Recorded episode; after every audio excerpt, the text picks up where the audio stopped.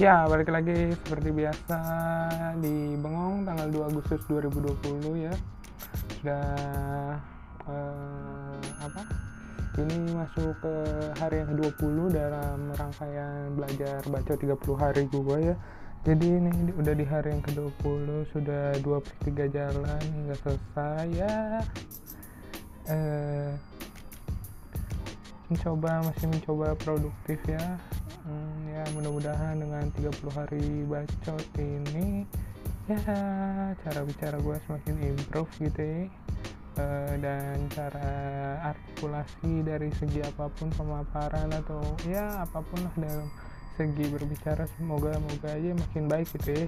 Kan percuma udah 30 hari nih ngomong nyerocos gitu ya tapi nggak ada perubahannya percuma banget ya kan?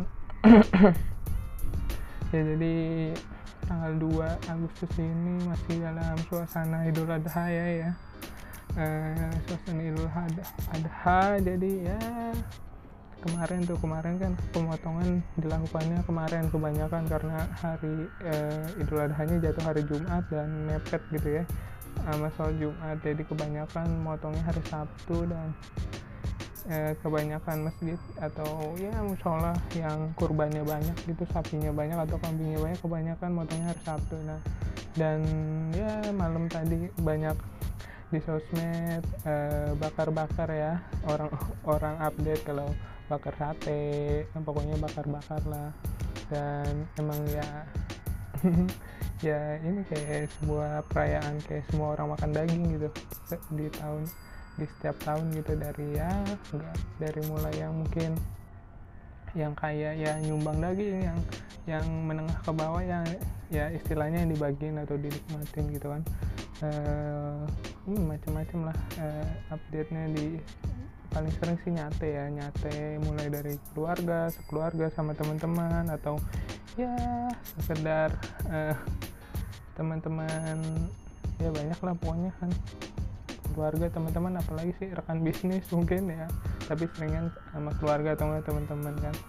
Kalau keluarganya keluarga besar tuh biasanya tuh kayak keluarga istilahnya kayak keluarga keluarga Betawi yang eh, satu rumah eh, satu kayak satu gang itu rumahnya semua ya ini rumahnya dia kanannya rumah eh, apa eh namanya sih encang, encing, encung dah gitu. Gue nggak tahu kan mau bahasa Betawi apa ya. Pokoknya kan ada yang se- kayak segang isinya rumah-rumah keluarga dia doang nah itu biasanya ramai tuh yang kayak gitu kan. Nah, atau juga sama teman-teman biasa kalau dan ya eh, kayak selalu menarik gitu. Eh, perayaan-perayaan kayak gitu bakar-bakar bersamaan walaupun gue jarang sih ikut bakar-bakar gitu ya. Eh, ya paling gue lebih sering tahun baru sih kalau bakar-bakar daripada Idul Adha. Soalnya ya pernah ada tragedi di Idul Adha gitu ya. Eh, eh, rumah temen gue hampir kebakaran gitu ya gara-gara gara-gara temen gue menuangkan bensin eh, menuangkan bensin sekarang terlalu banyak dan kayak ya apinya ke mana-mana gitu ya itu satu memori yang apa ya yang teringat gitu ya. Sampai sekarang kalau dibahas tuh masih ramai tuh sama teman-teman SMP gue. Dan ya ada itu ada ada ceritanya di kalau nggak salah ya di eh, ya, podcast ngeles ada tuh yang gue berempat sama temen gue sama Rizky sama Oscar Ibnu sama Isan kalau nggak salah ada deh situ ceritanya. Apa belum diceritain ya nggak tahu dah pokoknya ya karena kelalaian kelalaian temen gue gitu ya. Dan eh, bukan itu doang sih faktornya banyak faktor jadi karena pakainya pertama pakai bensin gitu kan pakai bensin. Terus beli bensin kan otomatis eceran di plastik plastik tipis gitu kan. Belum dipindahin ke botol tuh salah juga. Terus eh, kayak masih ada arangnya yang satu yang satu kayak nggak sinkron satu masih nyipas yang satu main uang aja tuh. Tiba-tiba ya apinya gede dar sampai ke ya kan tem- rumah temen gue tuh dua lantai sampai ke, ke lantai dua gitu kan. Semua panik gitu sampai ya paniknya ada yang aneh ada yang eh, diem aja melongo jadinya ada yang ngambil air tapi pas nyiram air karena itu bensin kan minyak sifatnya malah apinya jadi nyebar. Terus akhirnya akhirnya untung ada yang pinter gitu pakai pakai keset lap yang tebel gitu dan sumber apinya ditutup gitu ya itu gila sih.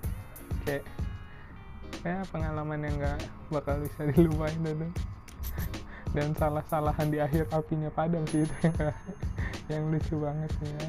Yang punya rumah pasti kesel aku kayak gitu anjir. Kayak itu kayak di ujung tanduk lah rumah gue gimana ini? Kalau kebakar gue tinggal di mana? Ya kan? Ya gak sih? Dan ya Indonesia juga kadang-kadang uh, banyak banget kayak mimimnya ya uh, menu tiga menu seminggu ke depan rendang. Iya udah pasti banget kan.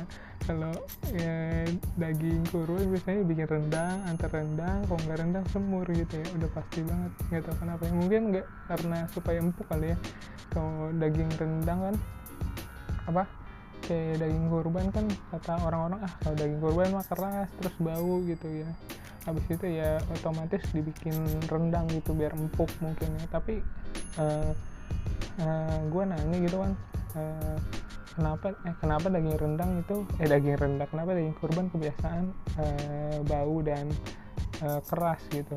Terus kata kakak kakak gue kakak gue kan kayak dokter hewan dan dia kayak pernah magang di rumah penjagalan sapi gitu. Uh, terus kata dia iyalah daging rendang keras sama keras sama bau. Kok bau itu uh, prosesnya nggak benar. Kok kata dia keras udah pasti keras daging kurban. Karena ternyata uh, daging kan namanya daging kurban kan dipotong uh, istilahnya sapinya disembelih atau kambingnya disembelih langsung dipotong-potong langsung dibagiin kan gitu kan biar cepet kan. Nah sebenarnya kata kakak gue namanya sapi namanya hewan kan dipotong dipotong disembelih itu lehernya dia, dia otomatis kan dia tegang gitu kaget. Istilah kaget kayak tegang semua ototnya tegang gitu dan keras kan. Nah itu seharusnya kata kakak gue harusnya didiemin dulu. Makanya kalau di penjagalan abis disembelih dikulitin terus kayak dimasukin ke kayak ruang buat uh, apa resting gitu tempat istirahatin dagingnya supaya ototnya nggak masih nggak masih kenceng gitu. Kan kalau istilahnya lu aja kayak kok, kok kaget kan langsung kenceng gitu kan. Dia istilahnya disembelih kaget dagingnya jadi keras semua terus langsung dipotong-potong. Nah itu kayak ototnya kan merespon gitu semua dan itu yang kenapa yang bikin jadi apa daging kurban keras gitu kata kakak gua ya. Yang pernah magang di rumah penjagalan gitu. Ya benar juga sih kalau dipikir-pikir otomatis kan kalau kita ya dikagetin aja kayak kenceng gitu kan. Ini udah disembelih badan masih kenceng belum relax udah dipotong-potong kan udah dibagi-bagiin makanya keras gitu. Harusnya katanya di resting se sehari sampai dua hari gitu. Jadi habis dipotong ya tapi kan namanya kurban bagi-bagian lama banget nunggu sehari atau dua hari kan. Beda kan. Jadi uh, kena supaya empuk gitu. Dan ya kayak stick juga kan katanya habis habis dipanggang habis di daging steak habis dipanggang habis dipanasin harus di resting dulu baru dipotong gitu kan. Ya emang emang gitu kali ya sifat daging gitu kayaknya.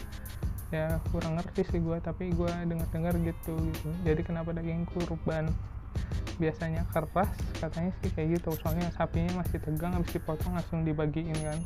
Nggak di resting dulu dagingnya harus kalau di rumah penjagalan biasanya dipotong dikulitin terus sapinya kayak dimasukin kayak tempat uh, restingnya gitu yang kayak freezer gede tuh yang digantung-gantung tuh. Kalau yang di film-film horror tuh it tahu film it yang badut itu kan serem tuh yang tempat penjagalan itu. Ya yang kayak gitu-gitu taruh udah di resting dulu dagingnya supaya otot-ototnya lemes lagi dan untuk baru dipotong kalau di tempat penjagalan gitu hari ini ngomongin apa ya? Ya ngomongin apa lagi nih? Gue belum sebenarnya hari ini belum siapin topik apa apa nih. Gue ngomong seadanya aja kali ya. Eh, kira-kira ngomongin apa nih? Yang lagi rame di twitter kali ya. Ya lagi rame di twitter ya perihal bungkus membungkus gitu. Kemarin udah diomongin nah sekarang yang ya perihal ini sih. Eh, ya suatu influencer yang dulunya mantan penyanyi penyanyi gitu punya band juga dulunya lagi uh, di apa ya di banyak dihajar lah dihajar sama masa atau netizen gara-gara ya bikin berita-berita uh, tentang isu yang lagi kayak apa ya kayak sekarang kan namanya corona sensitif banget. Dia bikin berita-berita yang tidak berdasarkan fakta gitu ya cenderung menyesatkan gitu ya. Kayak kan kemarin kayak yang ngeritik foto jenazah itu kan terus dihajar dihajar dihajar udah terus kayak ya ya udah sih kok gue sih nggak terlalu uh, gimana gimana gitu ya. Ya udah itu pendapat dia biarin tah. Tapi yang satu ini dia yang bikin konten yang apa uh, corona apa obat corona apa vaksin gitu vaksin corona sudah ditemukan gitu kan. Terus sampai ngundang uh, sampai ngundang profesor mikrobiologi gitu ya. Dan ternyata ya profesor ini bukan benar-benar profesor gitu. Udah sama netizen biasa netizen julid tuh kalau nyari apa-apa cepet banget gitu kan. Nyari apa-apa di, terus di langsung dicari di Google Scholarship atau apa-apa-apa datanya nol nggak ada nggak valid sama sekali gitu kan. Nah itu kan kayak ya kayak abang-abang depan depan gang rumah lu aja lu suruh ngomong tentang corona. Ya kayak gitu ngaco tentang covid ini tentang apa yang dia tahu. Mungkin dia cuma baca satu buku tentang buku mikrobiologi dan dapat gelar profesor kan? Menurut dia sendiri ya nggak tahu sih. Ya itu lumayan menyesatkan sih kayak ya gimana ya? Kayak lu kan dilihat banyak orang gitu. Mungkin ada orang yang sepaham juga yang nggak percaya tentang covid ini gitu. Ya nggak apa-apa kok nggak percaya gitu kan. Yang penting kan kok lu percaya atau enggak ya saling menghargai aja gitu. Ya pakai masker biar orang lain gak tertular gitu kan. Setidaknya menghargai aja kayak lu nggak nggak percaya pendapat orang dan ya udah gue gue nggak percaya tapi gue nggak mau gue nggak ngejelek-jelekin pendapat lu ya udah gue punya pendapat gue sendiri kayak gitu aja kan. Kalau seakan misalnya lu nggak percaya dengan corona ini corona covid ini ya udah nggak apa-apa gitu. Tapi karena ya karena keadaannya gini masa dengan korban yang segitu banyaknya dengan um, apa-apa yang ya lu lihat lah bisa lihat lah datanya atau apanya masih masa lu masih nggak percaya sih dengan kayak gituan mungkin.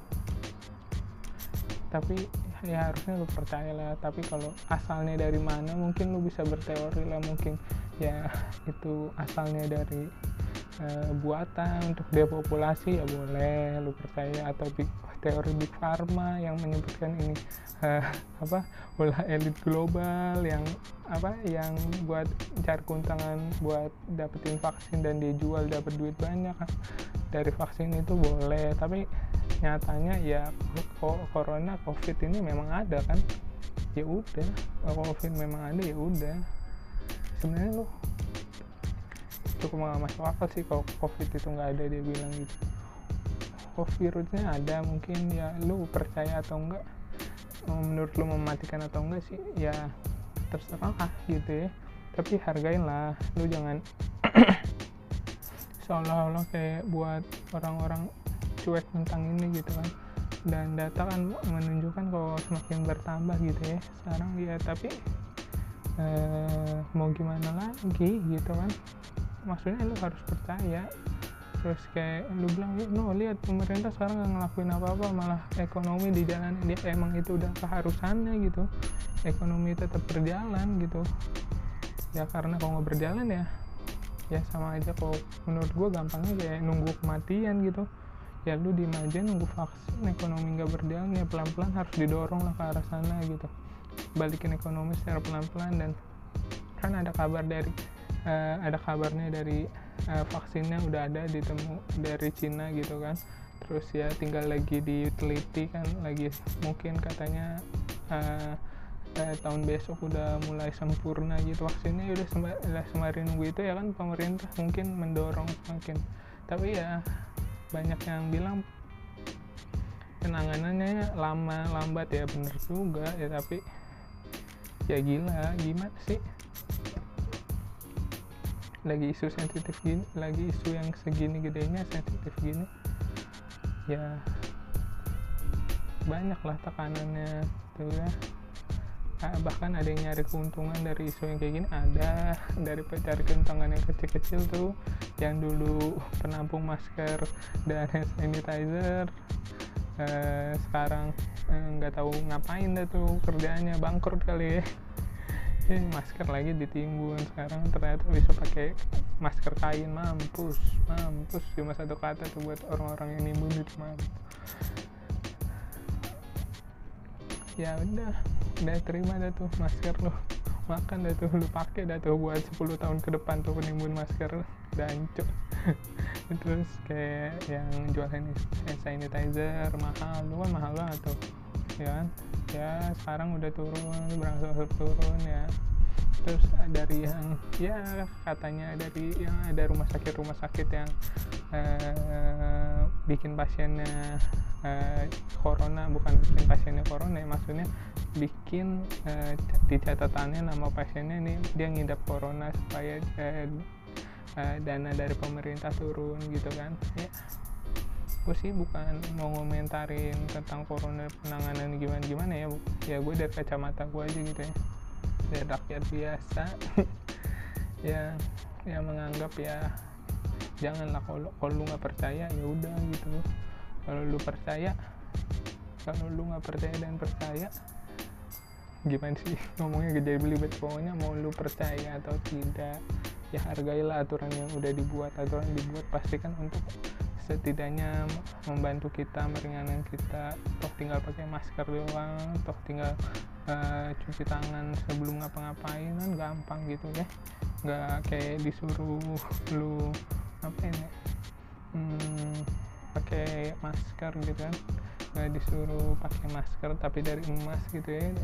Atau enggak uh, masker lu gitu udah harus masker uh, buatan pemerintah gitu kan? Enggak ya enggak nguntungin pemerintah juga gitu ya.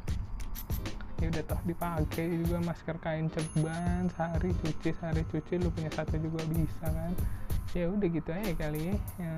Dan ya eh, kalau yang ya yang lagi rame-rame ini ya mudah-mudahan ya kalau nggak percaya ya jangan bikin ulah gitu ya karena ya anda kan istilahnya pengikutnya banyak influencer gitu ya. Jadi jangan bikin orang-orang berpikir kayak nggak nggak usah brainwash orang-orang gitu. Kayak terus dia e, pernah kayak nunjuk nah ini kan ada juga artis yang e, hmm, apa yang sependapat sama gue tapi nggak berani ngungkapinnya. Ya udah itu ya ya tindakan artis itu benar gitu. Kalau dia nggak sependapat atau nggak percaya dengan situasi yang sekarang ini ya udah pendam dalam hati aja dan uh, cuma ngomongin di forum-forum kecil di lingkungannya di keluarga atau apa tapi semua aturan tetap harus dijalankan gitu ya. Uh, tapi walaupun semakin lama orang semakin cuek sih lihat-lihat kayak ya yang penting gue makan lah istilahnya kalau dilihat-lihat ya bodo amat gue keluar rumah bodo amat. Yang penting usaha usaha untuk uh, mati tidak mati kelaparan lebih baik lah daripada mati karena covid ya. Dilihat-lihat sih gitu ya. Tapi yang nggak salah juga. Yang penting sih ya menjaga menjaga apa sih? Menjaga keamanan gitu pakai masker dan eh, lain sebagainya. Pakai masker cuci tangan itu udah cukup banget sih. Kalau kalau soalnya kalau di di rumah doang juga nggak kerja kan. Ya gimana gitu ya. Bisa kayak kelaparan di rumah sih nggak ada usahanya. Pasti logikanya nggak bisa gitu juga ya. Jadi ya jangan saling uh, menyalahkan lah. Istilahnya semua orang pasti ya hmm, salahin aja yang bikin berita hoax. Ya saling menyalahkan tapi kita rame-rame salahin yang bikin berita hoax gitu kan. Boleh lah serang-serang dikit biar sadar gitu ya otaknya tuh biar nggak uh, cuma dipakai dipakai buat mengadu domba gitu ya. Kali-kali dijedotin tuh otak biar bener tuh. Itu aja kali ya untuk episode kali ini. Ya cukup ngalor ngidul ya pembahasan dari kurban sampai uh, covid ini karena ya gimana gue bahas yang apa gue yang lihat aja sih sebenarnya ini udah hari-hari ke 20 topiknya. Uh, gue sebenarnya pengen bahas topik-topik lagi gitu ya tapi kayak gimana ya ntar lah. Semoga aja episode episode selanjutnya lebih matang topiknya pembicaraannya lebih jelas lebih enak didengar gitu ya. Tapi mudah-mudahan cara yang penting sih cara bicara gue gitu cara bicara gue uh, sudah ke arah yang baik dari segi artikulasi ataupun nada eh iya lantangnya atau apa pun ya menjadi lebih baik gitu ya kali ya untuk episode kali ini. Dan ya boleh uh, di komen di komen. Boleh kalau ada yang mau cerita ada ya curhat uh, cerita uh, ngirim cerita lucu kok bisa bikin gue menurut lu, lu lucu gitu dan bisa bikin gue tahu boleh. Terus apa ya oh ya nggak setuju dengan opini gue tadi atau episode episode kemarinnya boleh. Lu uh, tinggal kirim aja kirim surel ke alamat dirgantara putra 016 nah di situ pasti gue uh, tanggapin dan gue bahas. Sudah kali ya gitu aja ya. Ya dengerin episode episode selanjutnya. Dan dengerin episode sebelumnya boleh. Dan stay tune. Dah bye